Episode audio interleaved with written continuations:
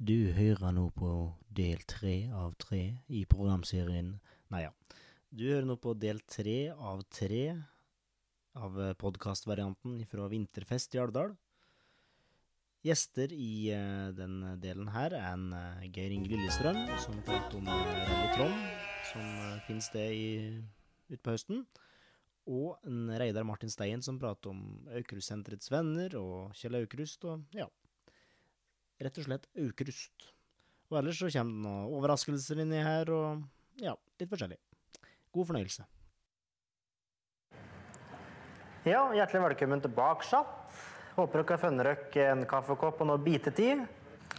Ja, da skal vi prate litt om eh, oppvekst i Alvdal.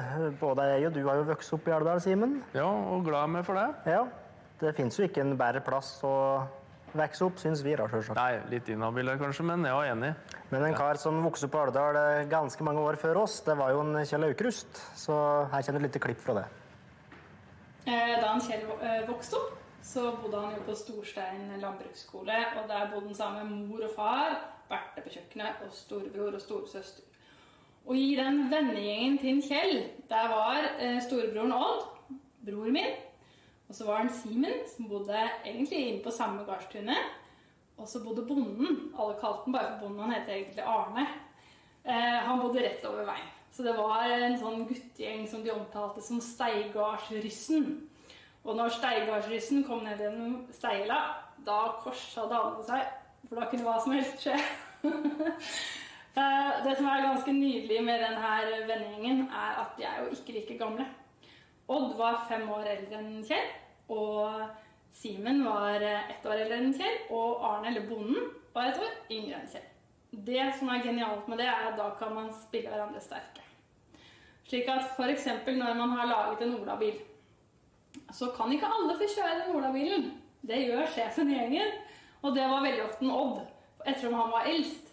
Eh, Så han styrte, eh, og så er det selvfølgelig de kjappeste og de sterkeste som dytter denne bilen, og de bytter på, for dette her, det skal gå fort, og man blir jo utkjørt. Og så er det det at man, man må ha en liten kar.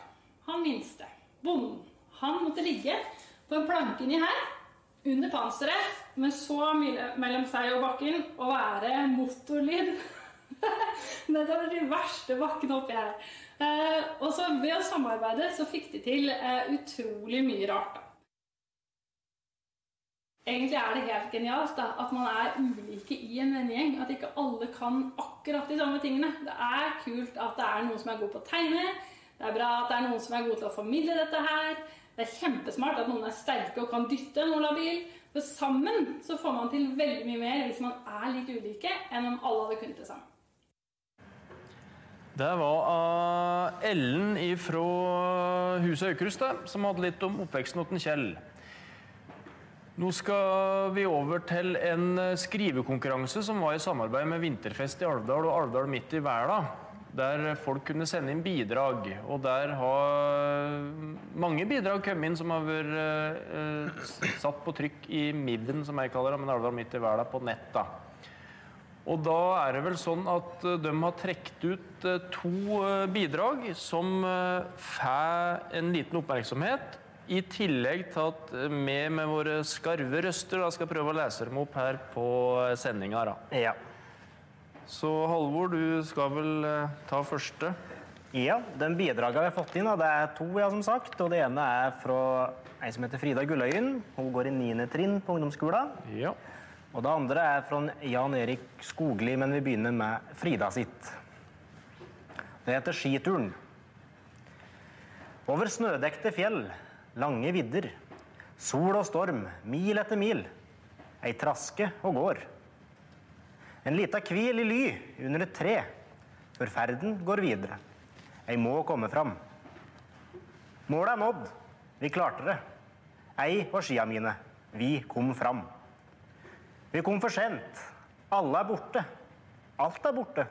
Bare meg og skia igjen. Slenger skia fra meg. Jeg legger meg ned. Alt til ingen nytte. Og da skal vi se på det vi har fått fra Jan Erik. Ja, Først lurer jeg på om vi skal kjøre litt av video til fra huset Aukrust? Ja, det kan vi gjøre òg. Kan vi ikke gjøre det? Vi har altså mye videoklipp liggende. så. Nei, vi hører litt mer på Ellen fra huset Aukrust med. Det var jo sånn at gutta ble veldig inspirert av det som skjedde i Holmenkollen bl.a. Og bror til Kjell, han Odd, han fant ut at han skulle koke klister. Og det gjorde han. Det var ikke bare bare. Det var jo gamle grammofonplater og jeg vet ikke hva de som gikk oppi der. Og mye sånn gafler og sånn som blir helt bøyd og vridd av å få det her klisteret ut. Og så skulle det over på type sennepsbokser og tannpastatuber og sånn. Det var i hvert fall noe herk å få til. Men dette kunne man jo tjene penger på. Så da ble det arrangert Holmenkollrenn på Storstein. Og Odd satt, han var egentlig litt forkjølt, så han satt på, på kjøkkenet og dealet ut av kjøkkenglasset.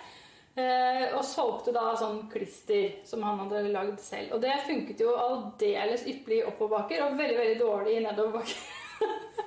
Eh, fordi da fikk man egentlig med seg det som var av eh, strå og snø og hestepærer fra i fjor.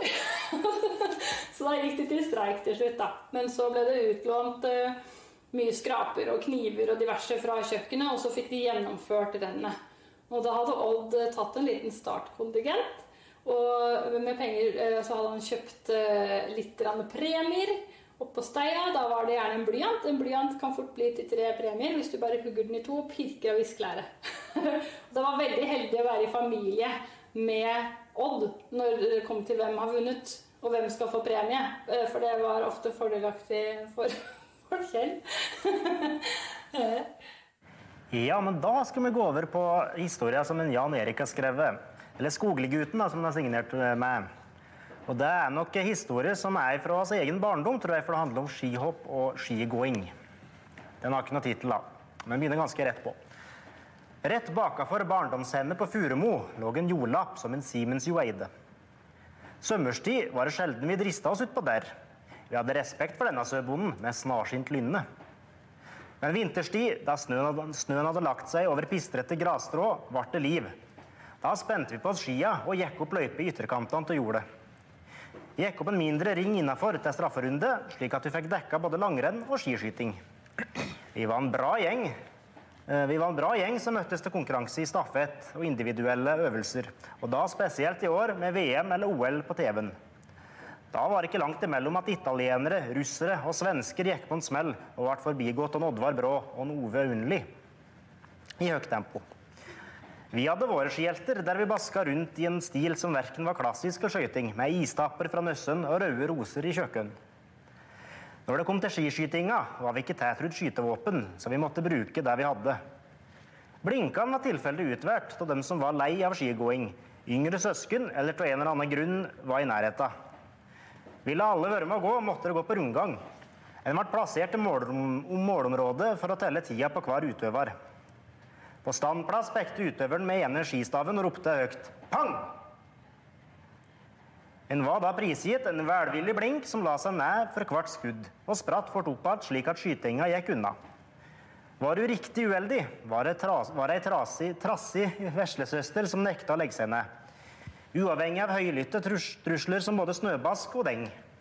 Da var det bare å bite i seg fem bomskudd og ta fatt på strafferunder. For deretter å krysse mållinja med dårligst tid inn til sisteplass. Når det kom til skihopp, skihopping, ble det mer alvor. Da møttes plassryssen og ryssen fra oppi Lian til knallhard konkurranse borti Bjør, Bjørn, Bjørnesenbakken. Lianryssen hadde bakker å øve seg i hele vinter, mens vi ute i Plassmoen måtte ta til takke med ei slag skråning utpå et jorde inne i Gjeland. Dette var ikke rare greiene å bygge sjøltillit på for slike store begivenheter. Men Lianryssen skulle ikke få vinne på walkover. Så der, mellom furulegger, var det iherdig opparbeidet normalbakke og en skiflyvningsbakke. Normalbakken var lettest å prestere i, for der hoppa alle så å si like langt. Unnarennet der var slik at du landa i søkken hver gang om du hadde mot nok til å ta til på hoppkanten. Klarte du deg ned til hoppkanten på føttene, klarte du stort sett å stå i landinga òg. Skiflyvningsbakken hadde kort tærløp med et styggbratt unnarenn. Furuleggene sto tett inntil unnarennet, så denne bakken var mynta på de eldre råskinna. Men det var ikke fritt for at en og annen småryss dristet seg utpå for å få innpass blant råskinna. Disse vågestyrkjene endte stort sett opp i tragedie. Det gikk ei og anna ski, og halebenet fikk kjørt seg i ny og ne. Nei, denne bakken var ikke noe for sarte sjeler. Det var ikke innsatsen det sto på. Sveva var lange og strabasiøse nok, dem. Det var som regel landinga som skilte klinten fra hveten. Der disse store guttene kom ned igjen med skia under seg, landa vi smårysten med baken, huet, ja, egentlig alt annet enn skia først. Ble ikke rare stilkarakterene av slik usynkronisert flaksing. Der kom ei tilfeldigvis en efta midt i ei innbitt lagkonkurranse i skiflyvning mellom Lian og Plassmoen. Jeg hadde vært innom av Mommo og Moffa og skulle bare renne skauen hjem igjen. Etter kjeklinga å dømme var det tett mellom laga, men Plassrysten hadde overtaket. Det var ivrige diskusjoner om åkken til Plassryssen som skulle hoppe to ganger. De var en mindre denne dagen. Lianrysten mente at den med dårligst resultat skulle hoppe en gang til. Men Plassryssen på sin side mente at det måtte være bestemann som fikk dobbelthoppe. Så ble det nevnt at denne Skogli-gutten kunne hoppe. Han var der allikevel. Dette var et forslag begge lag kunne komme til enighet om, eh, da uten at ei var involvert i forhandlingene. Jeg prøvde etter beste evne å argumentere for at jeg skulle slippe, ettersom jeg kom på jetski. Det var ingen som hadde prøvd monsterbakken med den type utstyr. Men det ble avfeid med at dette kom til å gå bra. Jeg trengte bare å komme midt ned i bakken, så skulle nok seieren være klar. Etter oppmuntrende meldinger fra eldre plassryss stilte jeg meg på toppen klar til innsats.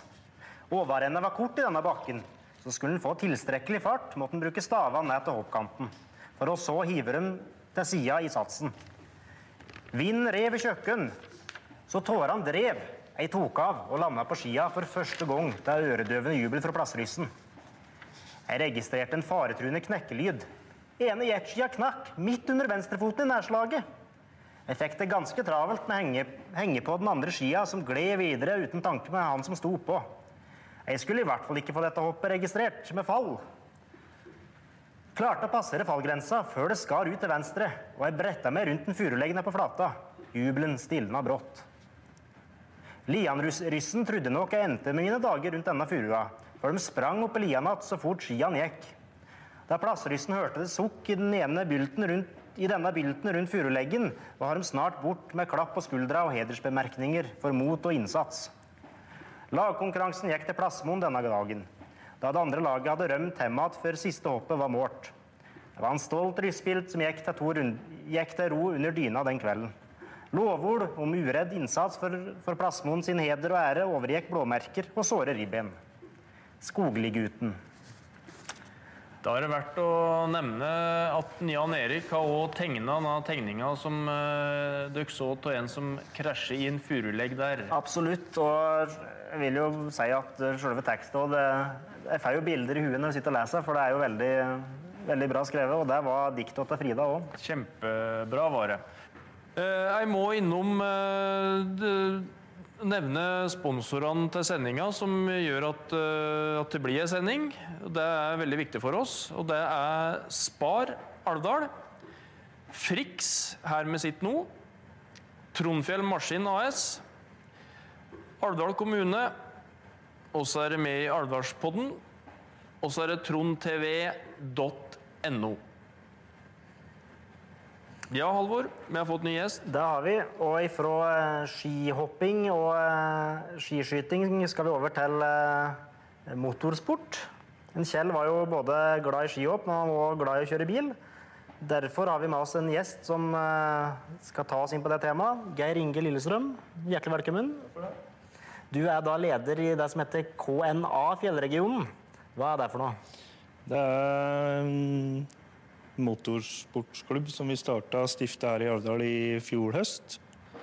Eh, Vi kjørte Rally Trond eh, eh, 2019 med Nord-Østerdal Motorsport, men de valgte å gå over til eh, å konsentrere seg om gokartbane på Tynset. Så da valgte vi å danne egen klubb som vi skal arrangere Rally Trond med. Ja, i høst. Ja. For dem som eh, ikke har fått med seg rally, Trond, det, det er nesten rart om de ikke har fått med seg. Men eh, hva er det rally Trond eh, går ut på, Geir Inge? Nei uh, uh, Det begynte vel egentlig med det at Jan Inge Gjermeshaug uh, kom på tanken først. Og så var det Jon Magne Lunås som tok opp igjen den tanken i jeg husker ikke helt det, men det er ganske mange år siden han begynte med det. Så ble det en realitet i 2019. Og det ble jo veldig eh, vellykket arrangement. Veldig mange som skryter av det. Så nå har vi vært og skal prøve igjen nå i høst, da. Ja. For var, jeg satt oppe i Skjulesvanglia i en sving der og så på. og Det var liksom sånn du ser på Flåklypa Grand Prix. Når du ser dem kjøre der, så står det liksom folk langs veien og vinker. Men satt det var en haug med folk som satt oppi der. Og det var jo så artig når vi fikk med oss svingen. og Både alt fra de yngste til de eldste som satt der, var alle satt sånn og syntes det var så tøft. Så dette er jo Ja, jeg syns det er veldig tøft, da. Det, det, ja. Det er jo beskrevet som Norges svar på Pikes Peak. Men eh, nytt, fra, nytt av året, da, at dere skal gå over til et fullrally, er det så? Ja, nå, eh, eh, de som kjørte i 2019, de eh, syns de fikk litt for lite bilkjøring. Det var spektakulært eh, nok, men de kunne tenkt seg å kjøre litt mer. Ja. Så nå drar vi i gang fredagskvelden. ja. Så det blir noe show om fredagen. Skikkelig show. På et lukka område, pluss en første fartsetappe eller to i mørket. ja riktig. Ja.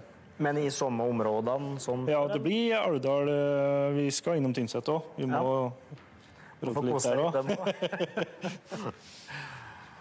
Men uh, Geir Inge, hva tilbakemeldingene var fra førerne eh, når de drev og ratta opp i, etter Flatråden opp der? Hva sa førerne om løypa? Det var veldig spesielt, for jeg sto på toppen i, i fjor når de eh, kom opp. Og de kom ut som noen apekatter, hele gjengen, egentlig. De har aldri vært borti noe så spektakulært. Eh, Den verste kjørte jo styggfort. Og så kom den bakerste tuslende til toppen til slutt, han òg. Men den begynte å bli løst, så han kom jo nesten ikke opp. Og tu- Tusland er i gåsehud, for det går jo fort. Ja, det gikk jo Sånn. fort, det òg. Men det mest spektakulære synes jeg, da, det, var, det så jeg bare på For jeg var ikke helt oppe på Flatråden, men jeg så det på TV-sendinga. Ja, at uh, når han kjørte ned der, du får et sånn rettstrekke før en uh, veldig skarp sving der Hvor mye var han oppi der, egentlig? For det så ut som det gikk uh, helt enormt fort. da. Var de, de var godt over 120 km i timen. Der må vi bare si at dere kjemme, at det må dere ikke gjøre. Nei. det er viktig å presisere. Det er viktig å presisere. Men det nye som vi kjører, skal kjøre nå i år, da, det er at eh, nå skal vi kjøre etappa ned på Trond, helt ned på Katmoen. Ja. Så nå blir det Ja. Så fartsetappen blir like lang opp og ned, på en måte? Ja. ja. Og så blir det Det vil jeg ikke helt røpe ennå, men det blir eh, to nye etapper bare i Alvdal der. Og ei til eh, litt lenger sør nord der. Ja. Men, men eh, når vi snakker om fullverdig rally, hvor, hvor mange etapper er, det noe mål på det? Nei, det er mil eh, Det går jo på kilometer kjørt, da. Ja, så det er ikke antall etapper, men det er kilometer? Nei, akkurat. Og et rally, det, de kjører jo på tid når de f.eks. må kjøre herifra til Auma, eksempel, på rv. 3 med rallybilen. Så går det Det går under tida på rallyet. Å, det var jeg ikke klar over. Jeg trodde det bare gjaldt ifra liksom Nei, ja. Nei, akkurat. Så, så det, det gjelder egentlig alt. Alt de sier til rallybilen, er et rally. Ja, riktig. Men det er vel ikke noe rallyfart på Da er det fartsregler som gjelder, ja. ja. Men har dere fått noe mange Det, det er vel kanskje ikke noen påmeldinger ennå, men dere har vel litt kontakt med miljøet, sikkert? Senest om uh, tirsdagen så ringte det en uh, polakk opp meg. Og spurte litt angående åssen vi tenker rally i år, for han hadde lest Alvdal midt i verden. da. og da er det faktisk tre team fra Polen som kjører VRC, det er den største rallyklassa, Ja, ja. som kommer hit. Uh, de kommer kjørende 2000 km for å kjøre rallydran. Yes. For da, Det, ja. forrige gang så var det, da var det mest nordmenn. Ja, det var bare nordmenn. Det var bare nordmenn. Ja. Ja. Pluss at nå har vi jo vi i KNA Fjellregion eh, to aktive kjørere sjøl. En fra Kongsvinger og en fra Dovre. ja. Det er jo litt artig når det begynner lokalt Ja. eh, tilsnitt for eh, publikum òg, da. Men Men er dette, denne ideen er det noe som har sprunget ut ifra jeg vet jo, det noen mekkegjeng med noen mekkekvelder? Ja. Er det noe som liksom er et utspring fra det? som Ja. dere har kommet på? Det var jo egentlig der det startet, og det er jo nå Magne Luna som er hjernen bak uh, Rally-Trond, og har gjort en fantastisk jobb på det. Mm. Så han er en viktig støttespiller på dette her, ja. Apropos liksom Trond i seg sjøl, jeg har noe inntrykk av at det er et fjell folk flest og da særlig rallymiljø, er det noe, et fjell som folk kjenner til? Nei, ikke så mye. Det er liksom eh, Hva er det? Men så Etter vi kjørte i 2019, så er det jo På YouTube er det jo fryktelig mye visninger, og Ja. vi eh, Jeg mener sjøl at vi legger Alvdal på at uh, vi reklamer godt for bygda vår. Absolutt. Det er jo eh, Nord-Europas høyeste bilvei, så Ja, bortsett fra den der eh, turisthytta som jeg ikke kjenner på navnet på nå. Dette er sam, sam, Simen, sam, det er sant. Jeg trekker tilbake det. Det er verdens høyeste bilvei. Nei ja. Universets høyeste. Nok om det. Samme det. Eh, Det blir veldig spennende, Geir Inge, å, å følge med på Rally Trond. Vet du nå, Er det satt noen datoer her? Det blir vel 8. og 9. oktober. 8. og 9. oktober, folkens. Da hørte dere det. Da er det bare å finne seg en plass langs løypa. Der gjorde jeg i hvert fall sist med familien. Satt litt unna som jeg var sikker. Kjempeartig å se på. Det må jeg bare si. Jeg sto borte med oppe på Øma og som funksjonær, men det var telt og sånn oppe på Flatron, så det var litt som foregikk underveis. Ja, men det var jo, vi hadde jo litt uhell med været den søndagen. Det var mye vind, da. Det, det ble så bort Det ble sikkert bort, men det, det var stritt oppå der. Ja, men det er, det er noe dere kommer til å Nei, vi kjører ikke publikum Vi legger ikke opp noe organisert på Trond i år. Nei. For eh, det er jo veldig væravhengig. Og nei, vi har vært og gått bort ifra det. Men det blir kanskje noe tilsvarende å finne Det gjør det ellers i bygda. Ja. Jepp. Da sier vi takk for at du kom, Geir Inge, og fortalte oss litt om Rally Trond. Da håper vi at eh, folk støtter opp om dette arrangementet. Absolutt. Eh, Da skal vi over til et innslag som egentlig skulle ha vært på Nyseter. da, det var eh, Vi hadde jo konsert, eller ei, og så Jon Ola Kjølaug og Guri Grimskål og Martin Folstad hadde jo en seanse oppå der før i uka her. Og der skulle Heidi Hagesveen ha lese ei historie om åssen Kari og Kjell møttes. Så her kommer den på video i stedet. Kari og Kjell. Eh, Det heter seg at eh, like barn leker best. Men i dette tilfellet her så tror jeg ikke at det stemte, for de var et veldig umake par. Eh, Kari var jo ordensmenneske som ordna og hadde system på ting. ikke sant? Og Kjell han skal ikke si løs kanon på dekk, men han var ikke riktig så strukturert. Men faktisk, dette her var jo da et forhold som varte livet ut. Og det er en nydelig kjærlighetshistorie. Det er det. De treftes jo i 1939. Han Kjell han var veldig veldig glad i naturen, særlig oppe Tronsvangen. De refererer jo senere alltid til det som deres paradis, da, vårt paradis på Tronsvangen. Og han var så fascinert av naturen, av lyset, det blå lyset, eh, spor i snø og nordlys, hvis det var det. Så denne her påskeaften i 1939 skulle Kjell ut og gå på ski. Han skulle da gå der som de nå under vinterfesten i Alvdal har merka kjærlighetsløypa. De mener der den gikk, da. Fra Tronsvangen mot Nysetra. Og Kjell han gikk bortover, og så hørte han at det knirka til staver imot den. Og der kom hun. Kari Holter fra Hamar. 17 vakre unge år. Og Kjell var 19. Så møttes de da sikkert sånn tåspiss mot tåspiss, og kom i prat. Og de fortsetter å prate. Og de fortsetter samme veien. Men dette var jo påska. Påskedagene de gikk jo, og så resta Kari igjen. Og andre påskedag, da satte Kjell seg og skulle skrive brev. Nå var jo ikke Kjell den store skribenten, fordi at uh, han hadde nok antageligvis han var litt ordblind. Eh, Så han hadde far sin, Lars O. Aukrust, til å korrekturlese brevene sine. Og det fortsetter faktisk en far med gjennom denne brevvekslingsperioden som varte i åtte år. Og Kari uttalte jo at han skriver vidunderlige brev. Men da mente jeg selvfølgelig en svigerfar, for hun visste jo dette her. Men den Kjell ikke klarte å formidle ved tekst, det formidla han ved tegninger. Og det første brevet, da altså, det var jo en nydelig brevveksling. Det var litt famlende. Det, det hadde jo oppstått følelser i påska, men var jo ikke helt sikker på hva dette var for noe. Selv om det var eh, korrekturlest av en far, så var det veldig mye bannskap i brevene hans. Men det eh, første brevet hans, liksom at, eh, der skriver han annet at det var jævlig at eh, påska ikke var noen dager lenger. Vi hadde det jo ganske hyggelig sammen, ikke sant? Litt sånn usikkert. Og i brevene hans senere òg kunne det være sånn at, eh, at han skrev at eh, Ja, hvis jeg passerer med toget forbi Hamar eh, hadde vært hyggelig om du sto på stasjonen. Og det er liksom så, det er så søtt og uskyldig og famlende. Um, men dette her brevvekslinga pågikk da altså i åtte år før de ble gift. Og underveis så var det ikke Det var jo ikke så enkelt. De, dette var 1939, og krigen brøt ut. De, de brevveksla gjennom en krig.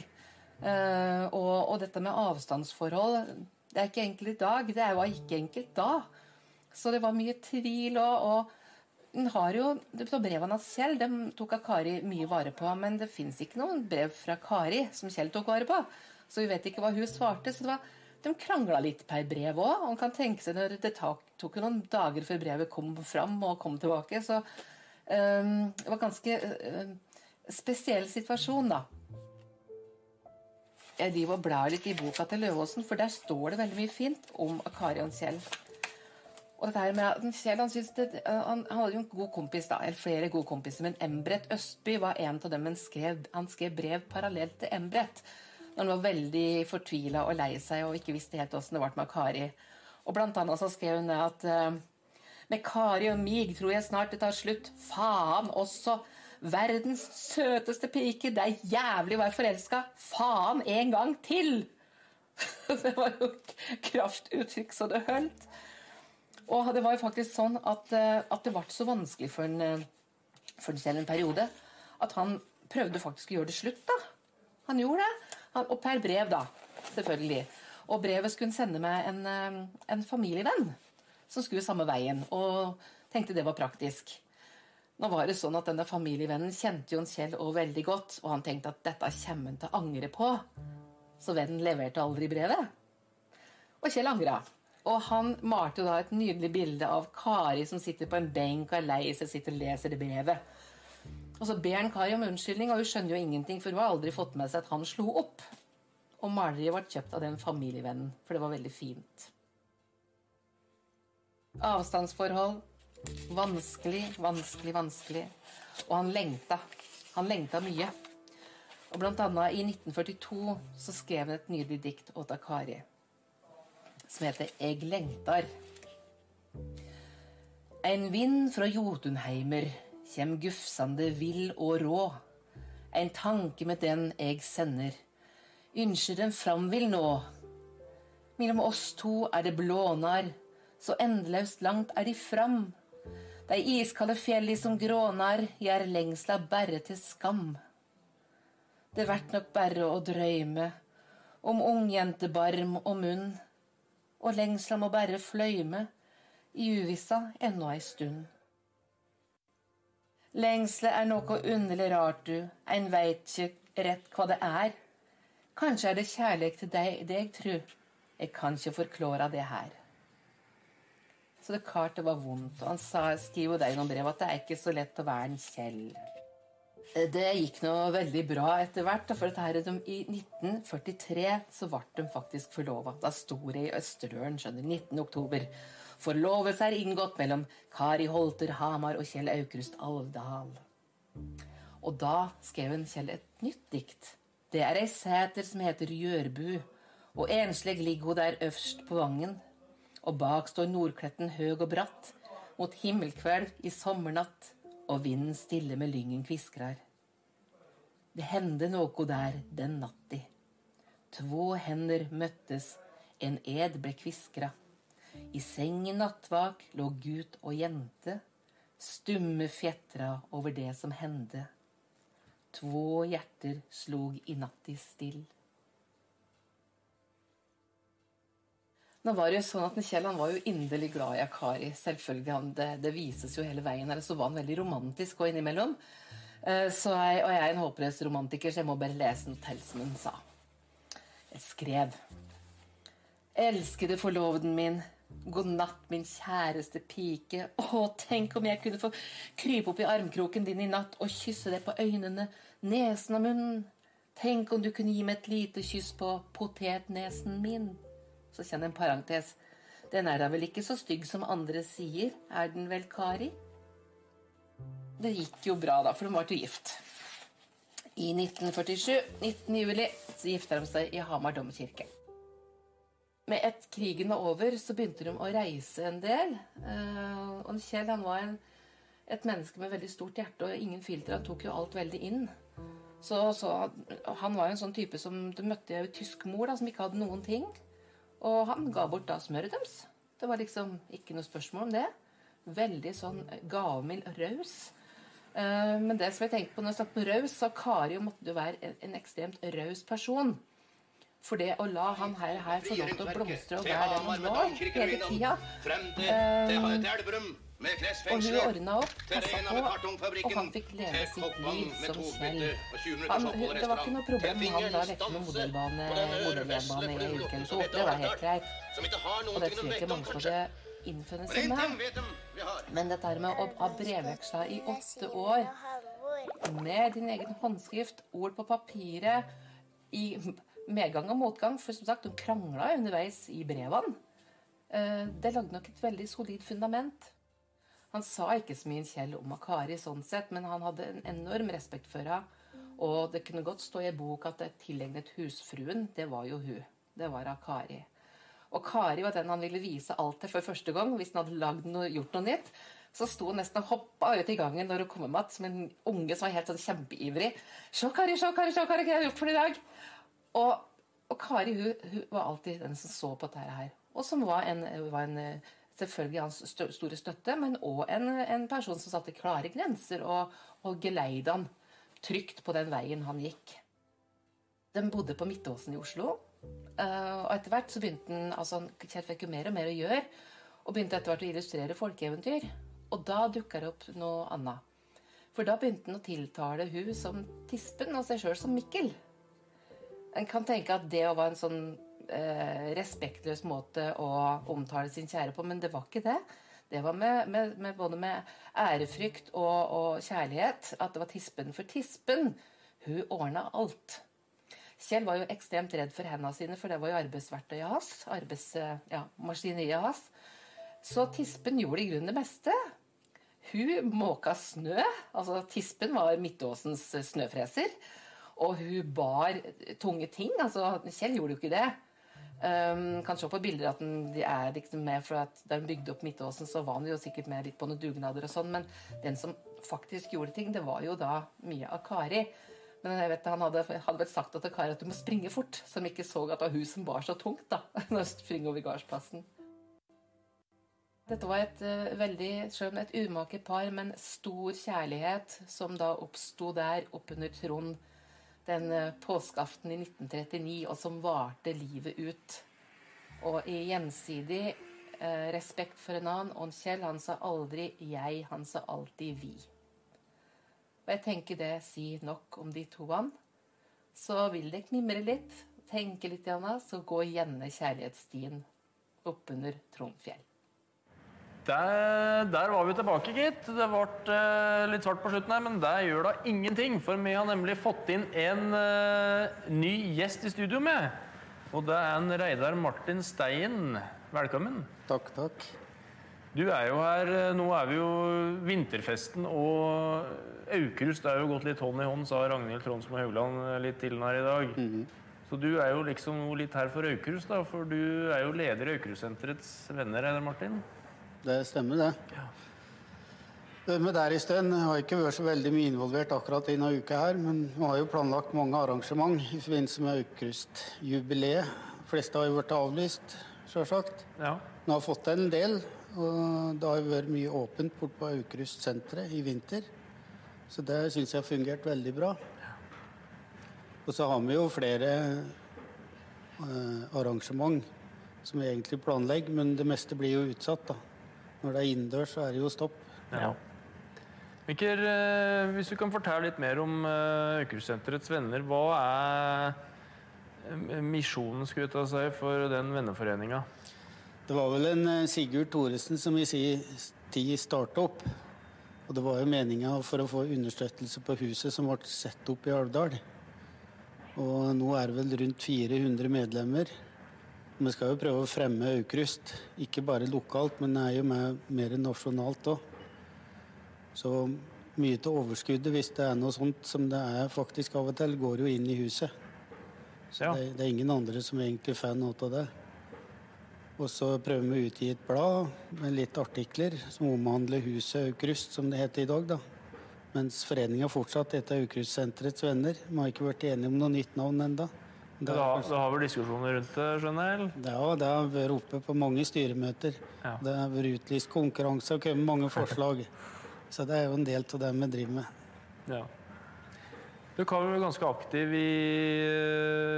eh, Nå vet jeg ikke helt navnet på huset, eller det kommer ikke på det, men der det er Nørstebø bodde, da. Bort med Ja, Grimshaugen. ja.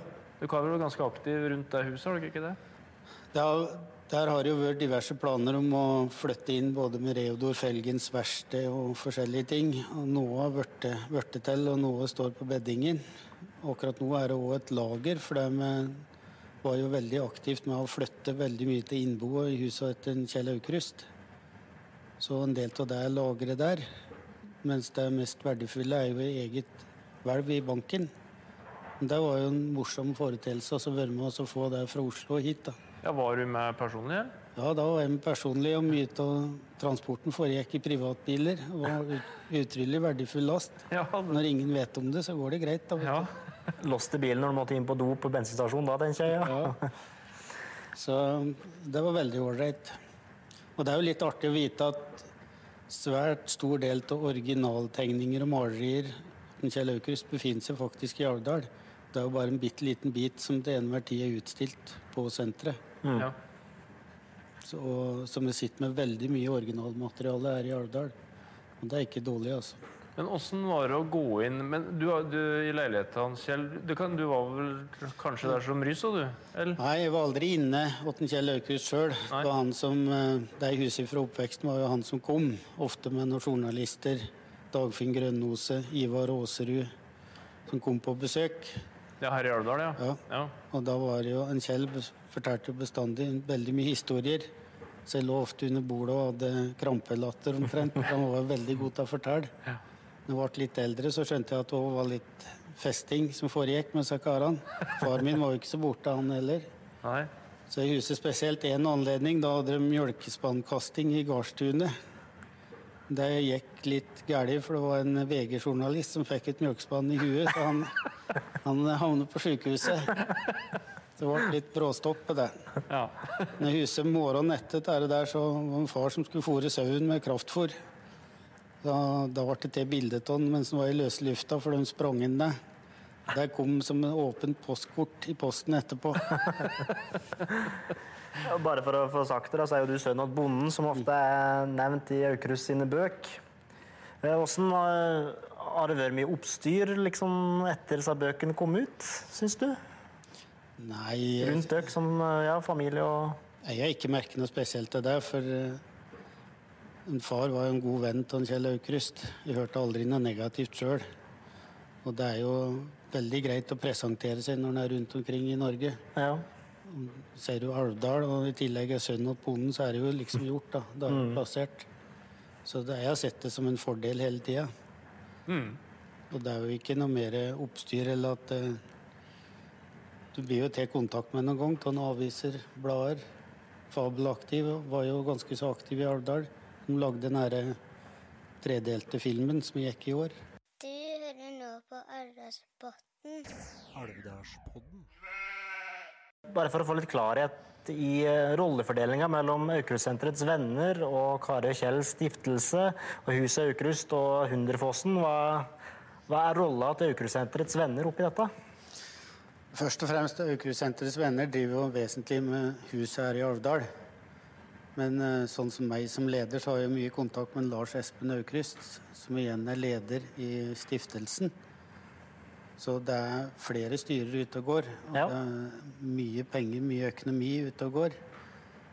Det har bedret seg sterkt nå i den siste ja, kommunestyreperioden, ikke minst. Så nå er det veldig god kontakt mellom ordføreren, Lars Espen osv. Og så har jeg lyst til å si noen ord om det med Hunderfossen. For det, noen kan tro at en driver og gir bort ting fra senteret. Sånn er det definitivt ikke. Det blir jo leid ut.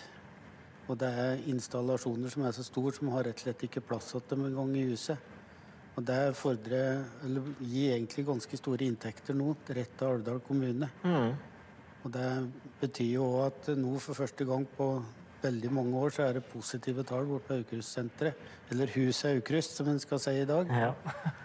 Og eh, jeg har sett veldig pris på at det er gode forhold innover nå. At en Lars Espen, som da blir sønn og bror hans Kjell Aukrust, og likedan familien på kona til Kjell. For der, der jeg kjenner mye av de yngre folka. Og det er jo noen som skal ta over og drifte dette her videre. Det er mye pensjonister, mye eldre folk som driver på. Men det er en ny generasjon. Og det har jeg merket meg nå i eh, dette ukryståret, at det har jo vært veldig bra innsats mot skole her i Alvdal og rundt omkring i Norge. Og det er kanskje noe av det viktigste jobben som foregår nå. Altså spre Aukrust blant de yngre folka. Nå er, nå er jeg snart pensjonist, men eh, dere hører jo har passert 30, liksom. Og det er de under der som er viktigst å fange. Man har en fenomenalt dyktig person borte på Aukrustsenteret, Erlend, som uh, har jobbet mye med å formidle Aukrust inn mot de yngre. Og det må vi i venneforeninga og i jakta i stor grad. da. Ja, så er det viktig at de yngre får det som blir vist fram til Aukrust, ikke bare er filmer om filmene og det som har vært hva skal jeg si, senere tid, men at en får innblikk i kunsten og mye av det litt eldre materialet òg. Mye til inngangen er jo ofte gjennom en Ludvig og Solan, og det er jo greit nok. Men det er jo så mye mer enn det. Han er jo en av toppkunstnerne i Norge. For det er litt eh, viktig, og det virker som er litt mer bevissthet rundt nå når med 100-årsjubileet å få fram helen hele Kjell, og ikke bare Solan og Ludvig. Så det er jo flott. Jeg tenker på det du sier om å få med de mer yngre inn her. Kunne du tenke om eh, nye filmene, eh, du? Det er jo eh, på en måte et steg der, tenker jeg. Jeg har blitt veldig imponert over Fabelaktiv når jeg har blitt kjent med folka som jobber der. Måten de gjør ting på. At eh, produksjon foregår i Norge. Det var jo noen filmer som delvis ble lagd i Polen, men det er veldig vanskelig å fange stemninga som er her i Alvdal. Som er en vesentlig kulisse rundt disse historiene. Så de gjør veldig mye bra arbeid. Og der er det jo på beddingen storsatsing nå, der Kjell Aukrust representerer Norge. Og de ulike kunstnere i Sverige, Finland, Danmark for eh, i større sending i jula. Det er vel ikke lov å snakke så altfor høyt om det enda, men, men de eh, Fabelaktiv er jo, begynner å bli veldig anerkjent. Og jeg syns de lager fine filmer. Jeg var jo på et seminar på Aukrustsenteret, og der var det en fra Kvisten, animasjon. Og de sa jo da at eh, selv om de har med seg veldig mye dukkemakere og sånn fra Tsjekkia og Polen, så er Kvisten veldig opptatt av at det som blir framstilt, det skal være norsk, og det skal være liksom ifra Traktum her. Og at de gjerne studerte stubber da, i Østerdalen, og åssen det så ut, åssen det skilte seg ut fra stubber i Rogaland f.eks. Ja. Og det er jo litt artig at de tenker sånn, at de går så, så djupt innere. Mm.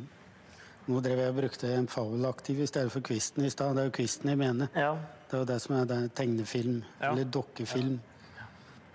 Jeg syns de har fått fram sjelen til Også det med kvisten har fått til, syns jeg. Det er at det er den barnehumoren, men de har òg en del som vi voksne kan flire litt av, som kanskje ikke ungene helt skjønner dybden til. Det synes jeg Ja, så dreie nye uttrykk og modernisert humoren litt så det passer dagens generasjon. Ja. også. Og lell så kan du si at det her er et økelsitat. på en Ja. måte. Bare å se på åssen de har framstilt en Ludvig. Det er jo to år med jobb for å få den så, sånn som en skal, Ja. så nære originalen som mulig. Slettende skosåler og ja. De, er, de går ganske nøye til verks når de driver på. de gjør det.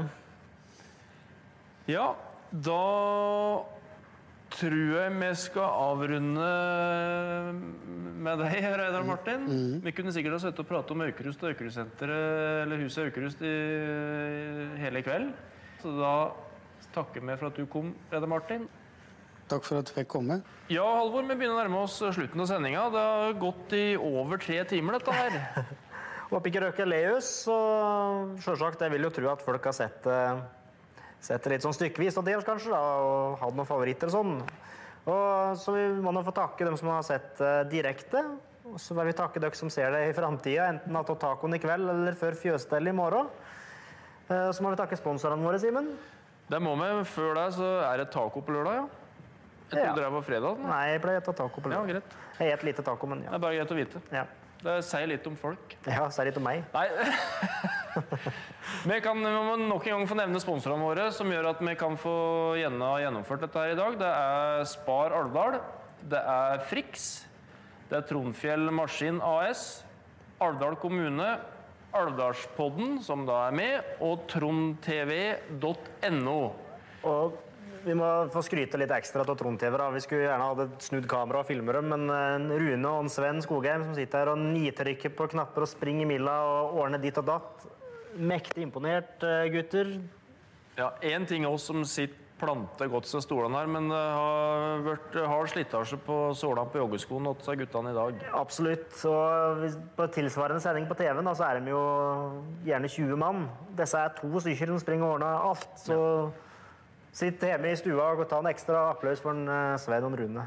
Heldigvis har de to såpass garve TV-personligheter i stolene, så da går det Ja, ja. Det er gullrekka, dette nå. Nei, tusen takk for oss, og tusen takk for at du har sett på, eller vil se på. Og tusen takk til gjestene våre.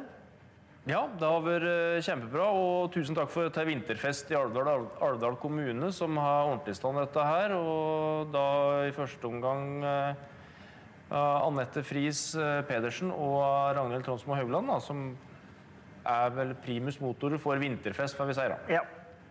Så da ønsker vi dere en fortsatt god lørdag, og en fortsatt god vinter. Takk for oss. Fra Eidsvoll med frigjøringsverket, til Hamar med domkirkeruinene, frem til, til, til Elverum med klesfengselet, til Rena med kartongfabrikken, til Koppang med togbytte og 20 minutters opphold i restaurant. Til fingerens danse på den ørvesle fluelorten som heter Alvdal. Som ikke har noen ting de vet om, kanskje. Men én ting vet de vi har. Alvdalsbotn med Simen og Halvor. Du har nå hørt et redigert utdrag fra livesendinga fra Vinterfest i Alvdal. Eion Simen var jo som plan om å ha én eller to episoder i måneden fra Alvdalspodden, men eh, noen dager så strekker ikke tida til, rett og slett. Simen er travelt opptatt med sitt, og jeg er travelt opptatt med min, mitt, så det er ikke bestandig det lar seg gjøre, men eh, vi kommer veldig sterkt tilbake. Det lover vi. Og øh, du kan da kose deg med innhold som er lagt ut på sosiale medier, medier så lenge. På Instagram så heter vi Alvdal Podcast, og på Facebook så finner du oss under Alvdalspodden. Og har du innspill til øh, innhold vi kan ha med i episodene våre, så kan du sende oss en e-post på alvdalspodden at gmail.com. Eller huk tak i meg, og Simen, på stedet eller plassen eller strøma eller hvor som helst der dere